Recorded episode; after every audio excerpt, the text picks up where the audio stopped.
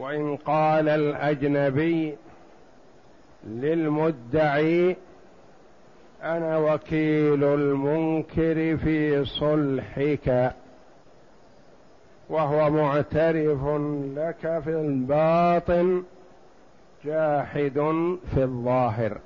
نحن في مسائل الصلح والصلح كما تقدم هو معاقدة يتوصل بها إلى الإصلاح بين المختلفين وهو أنواع والصلح أنواع الصلح بين الزوجين والصلح في الأموال والصلح في غير الأموال والصلح مع الكفار والصلح مع أهل البغي والصلح بين المختلفين من المسلمين.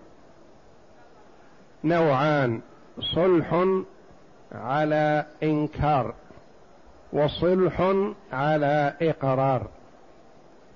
ونحن في الصلح على الإنكار يعني يدعي شخص على آخر بأن عنده له كذا. الآخر ينكر ولا يذكر هذا الشيء. ولا يعترف له بشيء لكنه كفا للنزاع وإراحة للطرفين عن التردد على المحاكم. يقول له أصالحك على كذا. ذاك يقول عندك لي ألف ريال مقابل كذا. يقول الآخر لا أذكر. وما عندي لك شيء وما تعاملت وإياك بشيء. وإنما ممكن هذا المبلغ عند غيري وأنت تظنه عندي. قال إذا أنا أتقدم للمحكمة. فيقول تعال يا أخي لا تتقدم للمحكمة تتعب نفسك وتتعبني. والقاضي لا يعلم الغيب. قد يبرئ ذمتي وهي ليست بريئة. وقد يلزمني بشيء لا يلزمني لأنه لا يعلم الغيب. لكن أريد أن أصطلح معك. كم تدعي فيه أنت؟ قال أنا أدعي بألف ريال. قال أعطيك خمسمائة ريال ولا تتقدم للمحكمة ولا لغيرها. وسامحني وأسامحك وأنا ما أذكر أن عندي لك شيء. لو كان يذكر ما صح الصلح كما سيأتينا. فهذا يسمى صلح على إنكار. يعني المدعى عليه لا يعترف للمدعي بما يدعي به. صورة من صور الصلح على الإنكار إنكار في الظاهر وإقرار واعتراف في الباطن.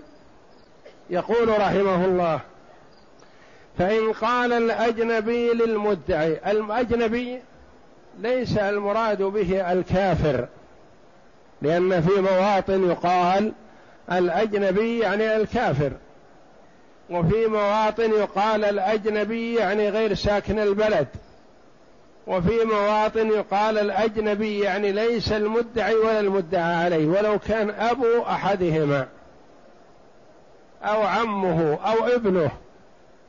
يقال له الأجنبي. وإن فإن قال الأجنبي للمدعي أنا وكيل المنكر في صلحك وهو معترف لك في الباطن جاحد في الظاهر فصالحه لم يصح. الرجل يدعي على آخر بألف ريال. الآخر منكر. في الظاهر الألف ريال. جاء شخص آخر جار له أو أبوه أو ابنه أو قريبه جاء إلى المدعي وقال سر بيني وبينك. المدعى عليه معترف لك في الباطن. وأنت ما تستطيع إثبات ذلك وهو منكر لك في الظاهر. لكن أنا أريد أن أصالحك. أنا وكيل عنه. هو لن يعترف لك في الظاهر لكن في الباطن هو حقيقة أخبرني بأنه معترف لك بأن عنده لك هذا المبلغ. لكن بما أنك أنت ما تستطيع إثباته بشهود هو منكر. ولا تستطيع إثباته عند القاضي. لكن أنا بصطلح معك على شيء ما أنت تقول أدعي عليه بألف وهو ينكر. أنا أعطيك على الألف هذا خمسمائة ريال وأنا أصلح أنا وياه أنا وكيله. ما حكم هذا الصلح؟ هذا الصلح غير صحيح. لأن الحق معترف به في الباطن والواقع. فالذي يدفع الخمسمائة عن الألف ما تبرأ ذمته. ما تبرأ ذمته لأن ذمته مشغولة بألف ريال. بما أن صاحبه وثق به ولا أشهد عليه أنكره على الألف. وأراد أن يصطلح معه هو أو وكيله بخمسمائة ريال.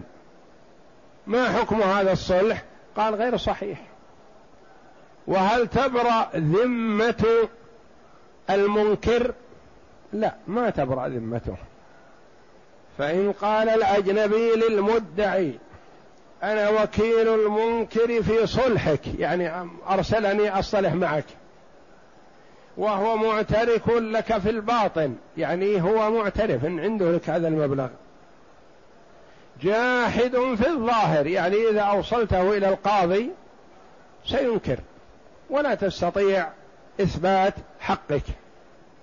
فصالحه يعني المدعي صالح وكيل المدعى عليه.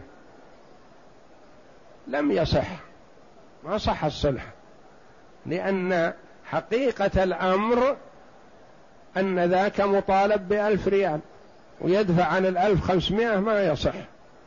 لأن الصلح في هذه الحال لا يصح من المنكر فكذلك من وكيله. لو جرى هذا الصلح بين المدعي والمنكر بدون واسطة هل يصح؟ لا ما يصح. يقول تعال أنا معترف لك بألف ريال لكن إذا اشتكيتني ووصلتني إلى القاضي أنا أنكر وبعدين ما عندك إثبات. ولا تستطيع تثبت علي. وحلف ولا لكن أريد أصطلح معك أعطيك خمسمائة وتسامحني بالباقي. حكم هذا الصلح ما يصح. لو قال أعطني خمسمائة وأنا أسامحك في الباقي ما صح. ما تبرأ ذمته. ذمة المدعى عليه. لا يصح من المنكر فكذلك من وكيله. نعم. وقال القاضي يصح ومتى صدقه المنكر ملك العين ولزمه ما أدى عنه. وإن. وإن أنكر حلف وبرئ. وقال القاضي أبو يعلى إذا قال فقهاء الحنابلة رحمهم الله وقال القاضي فالمقصود القاضي أبو يعلى وليس القاضي عياض. وقال القاضي يصح هذا الصلح وليس على إطلاقه. ومتى صدقه المنكر ملك العين ولزمه ما أدى عنه. يقول يصح بالنسبة للمدعي. فالمدعي يسأل المنكر سرا يقول أنت تصدق الرجل أنت معترف لي بالمبلغ؟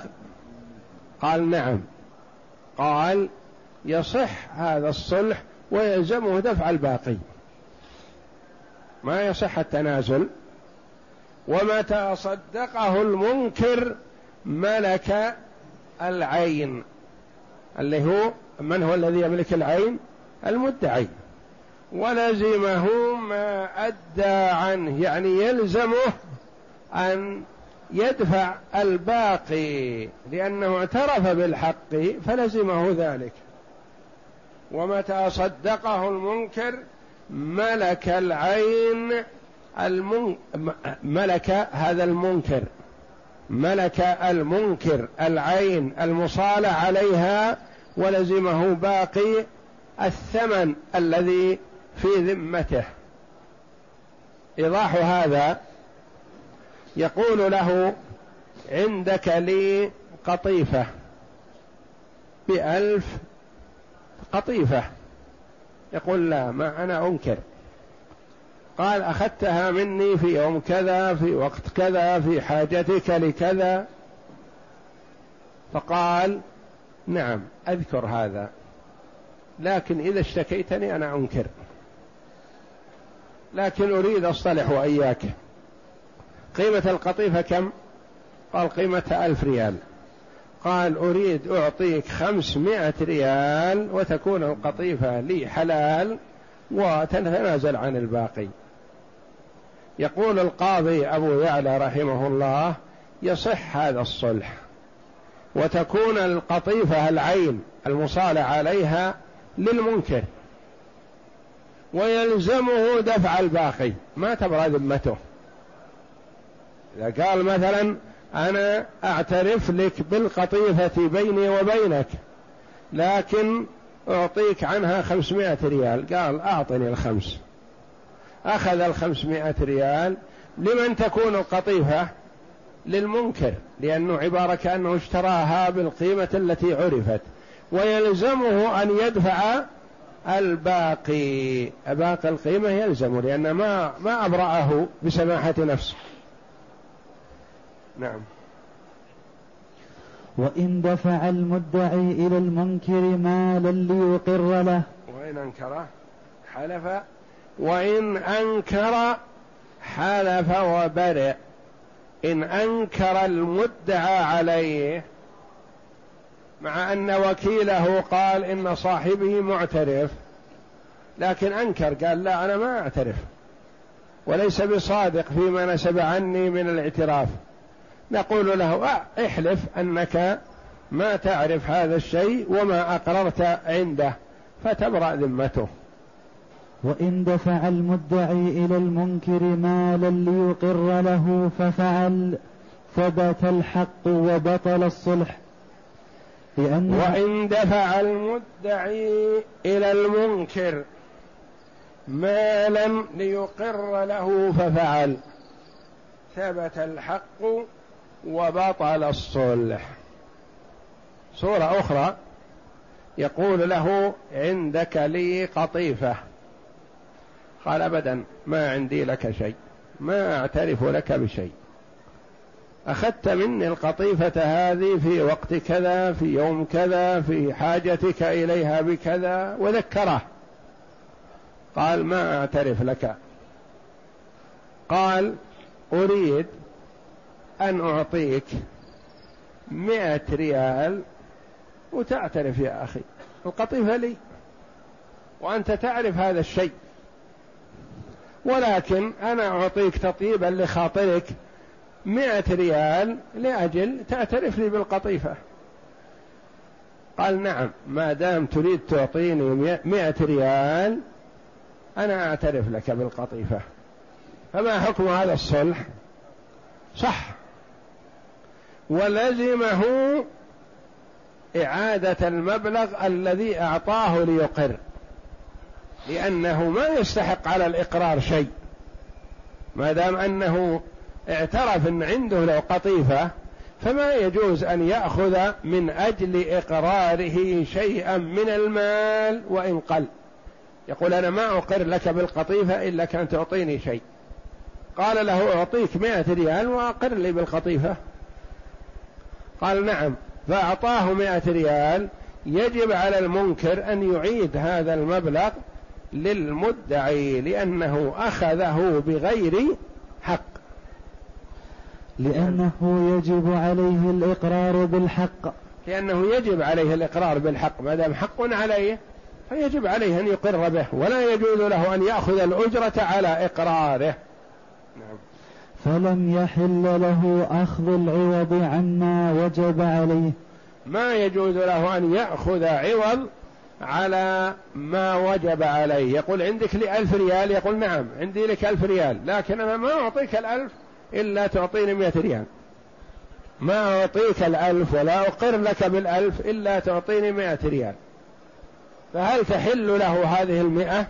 لا ما دام أنه يقر بالمبلغ فإنما الذي يصح فيه التنازل هو صلح الإنكار.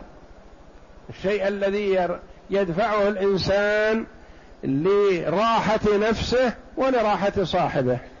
يقول يا أخي إذا اشتكيتني أتعبتني وأتعبت نفسك فنصطلح. وإلا أنا ما أعترف لك بهذا الشيء ولا عندي لك شيء فهذا لا بأس به. لكن إذا كان يعترف في الحقيقة يقول نعم أنا أعترف لكن ما أعطيك ما تدعي به إلا تعطيني كذا. نقول هذا لا يصح لأنه يجب عليه الاعتراف بالحق الذي عليه. نعم. ولو صالح امرأة لتقر له بالزوجية أو بالرق لم يصح لذلك. ولو صالح امرأة لتقر له بالزوجية أو بالرق لم يصح لذلك.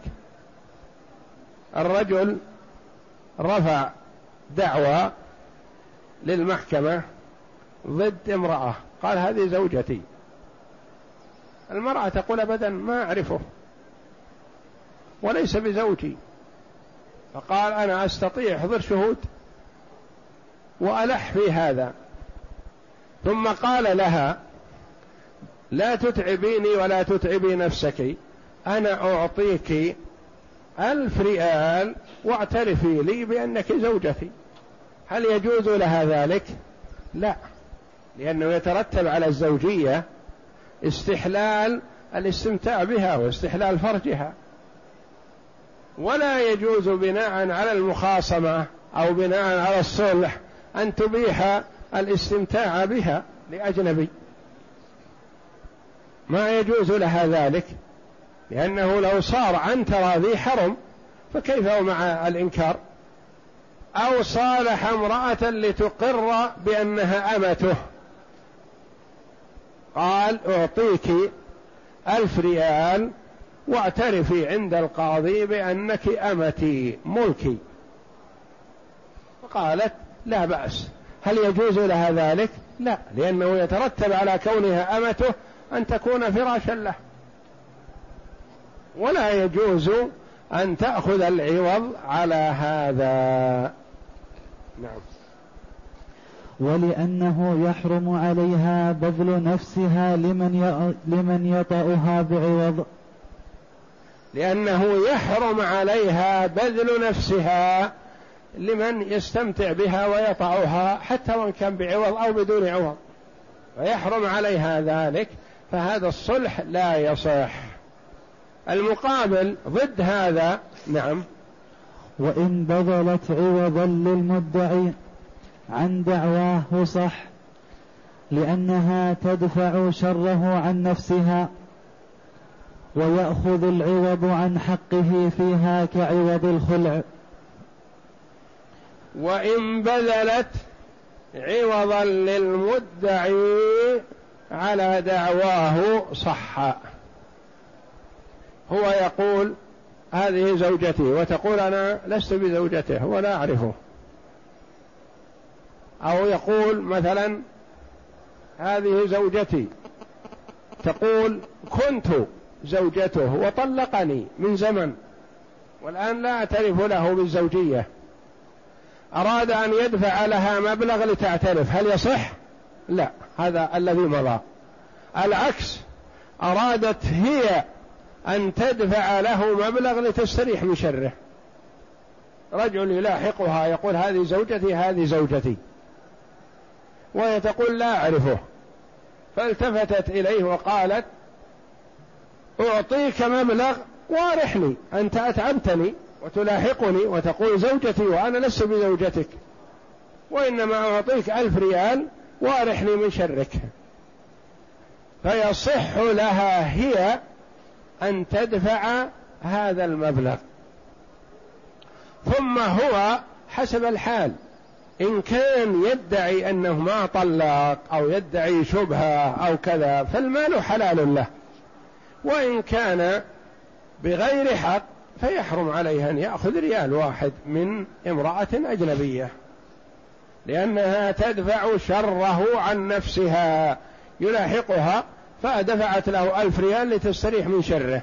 لا بأس بهذا نعم. وقيل لا يصح ويأخذ العوض. ويأخذ العوض عن حقه فيها كعوض الخلع. هو يدعي أن له حق فيها يدعي هذا. وحسب نيته. كعوض الخلع. فهو حلال له إن كان يدعي الزوجية ومحق في دعواه فحلال له هذا المبلغ الذي يأخذه. نعم. وقيل لا يصح في الزوجية لأن الزوج لا يأخذ عوضا عن الزوجية في غير الخلع. وقيل لا يصح هذا العوض في دعوى الزوجية حتى من المرأة لا يصح لأن الزوج ما يجوز له أن يأخذ من زوجته عوضا غير الخلع. فإذا ثبت أنها زوجته فيخالعها وما دام ما ثبت أنها زوجته فلا يستحق عليها شيء. هذا القول الثاني. نعم. ولو صالح شاهدا ليترك الشهادة عليه أو سارقا لئلا يرفعه إلى السلطان فالصلح باطل. لأنه لا يحل أخذ العوض عن ترك الشهادة الواجبة. وليس له وليس وليس رفعه إلى السلطان حقا يجوز الاعتياض عنه. ولو صالح شاهدا ليترك الشهادة عليه. أو سارقا لئلا يرفعه إلى السلطان فالصلح باطل.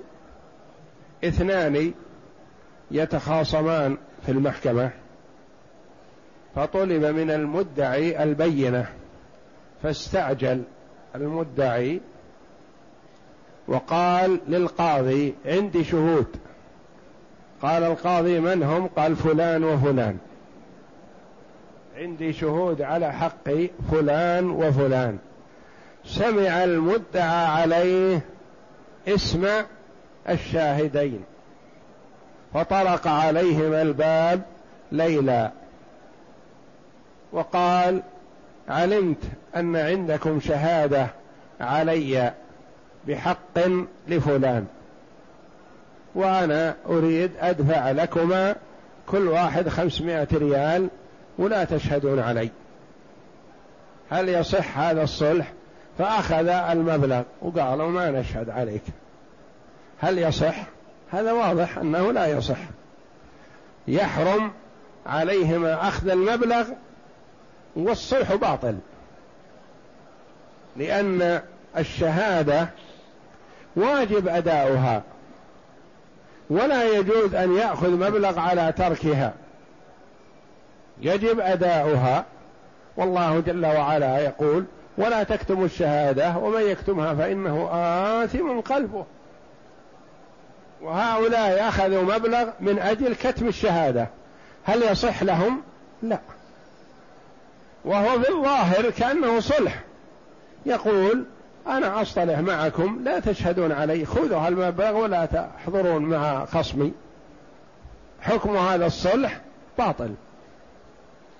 أو سارقا لئلا يرفعه إلى السلطان. فكذلك لا يصح. صالح سارقا من غيره لا منه. فمثلا رجل اطلع على سارق وأخذ بيده مسكه. وقال أريد أسلمك للسلطان للمحكمة للشرطة. ما سرق منه شيء لكنه سرق من غيره. قال له يا رجل ما اطلع علي في هذه السرقة إلا أنت. وأنا تايب وعلى يدك أتوب وأعطيك خمسمائة ريال ولا ترفعني إلى السلطان. فهل يصح هذا الصلح؟ لا ما يصح. هو الرفع إلى السلطان ليس بواجب. من رأى السارق ما يلزمه أن يرفعه للسلطان. لكن هل يصح له أن يأخذ مبلغ لأجل ألا يرفعه للسلطان؟ لا. هل يلزمه أن يوصله للسلطان؟ لا ما يلزمه. شخص مر ورأى شخصا يأخذ من جيب نايم مثلا. نقول يلزم الذي رآه أن يرفعه إلى السلطان؟ لا ما يلزمه. له أن يعظه له أن ينصحه ويستر عليه. لكن إذا صالحه لئلا يرفعه هل يصح هذا الصلح؟ لا ما له مقابل. بخلاف ما إذا كان المسروق نفسه الذي أجرى الصلح المسروق نفسه فهذا جائز. يقول مثلا أنت سرقتني وأنا أمسكك وأرفعك للسلطان. قال أنا تائب ولن أعود للسرقة مرة ثانية وأصالحك عن المال الذي أنا سرقته. أعطيك مبلغ عنه واتركني.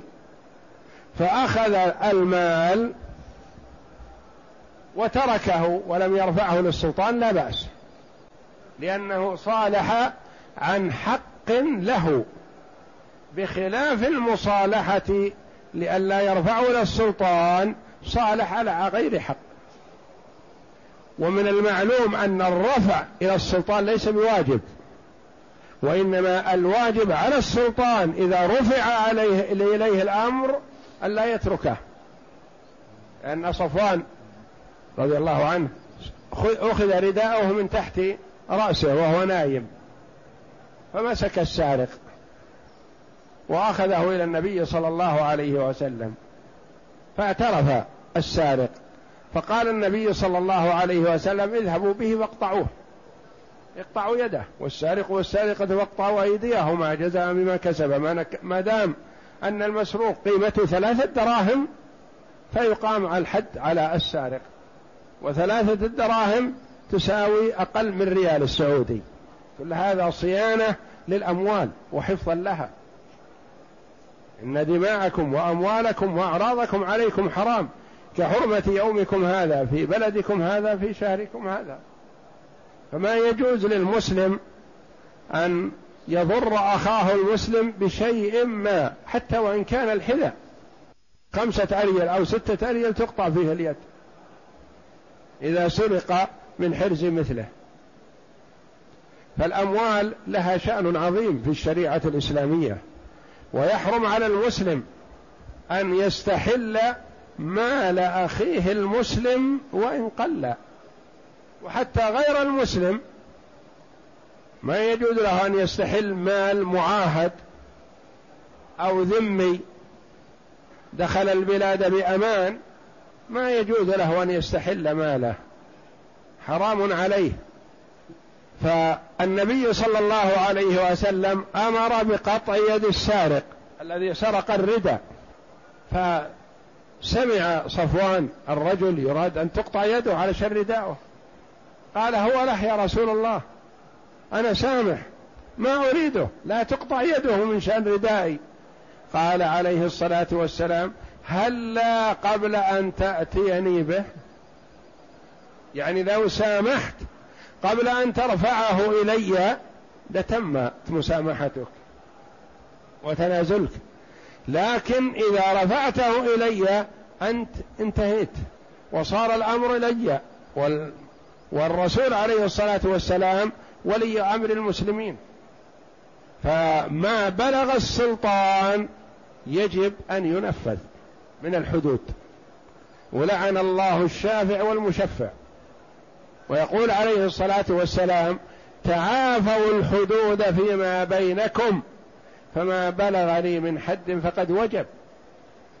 ولما أمر النبي صلى الله عليه وسلم بقطع يد المرأة المخزومية قالوا نريد شخص يشفع لهذه المرأة عند النبي صلى الله عليه وسلم. قالوا ما نجد أولى وأحسن وأقرب إلى النبي صلى الله عليه وسلم من أسامة بن زيد رضي الله عنهما. أسامة بن زيد يذهب ويشفع. فجاء كبراء القوم إلى أسامة وقالوا لنا إليك حاجة اشفع لهذه المرأة عند النبي صلى الله عليه وسلم لا يقطع يدها. فذهب أسامة رضي الله عنه ليشفع عند النبي صلى الله عليه وسلم. فغضب النبي صلى الله عليه وسلم وقال أتشفع في حد من حدود الله؟ الحدود إذا وجبت ما يجوز لأحد أن يشفع فيها. مثلا شخص عليه حد الخمر معترف أو ثبت بشهود أو بإقرار منه وأخذ لأجل أن يقام عليه الحد. هل يجوز لشخص آخر من المسلمين يقوم يتقدم للقاضي أو للحاكم أو لولي الأمر يقول اسمحوا له ولن يعود؟ أنا شافع فيه شفعني فيه سامحه؟ لا الحدود ما فيها مسامحة. ويقول عليه الصلاة والسلام تعافوا الحدود فيما بينكم يعني قبل أن تصلني أنتم سامحوا. أنت يا صفوان لو سامحت الرجل قبل أن ترفعه إلي صحت المسامحة. لكن الحدود إذا وصلت إلى ولي الأمر يجب تنفيذها. أو سارقا لئلا يرفعه إلى السلطان فالصلح باطل. ما يجوز أن يقول السارق لمن رآه أعطيك مبلغ ولا تخبر عني. لا ترفع أمري إلى الحاكم. فالصلح باطل لأنه لا يحل أخذ العوض عن ترك الشهادة. في الصورة الأولى الواجبة وليس رفعه إلى السلطان حقا يجوز الاعتياض عنه.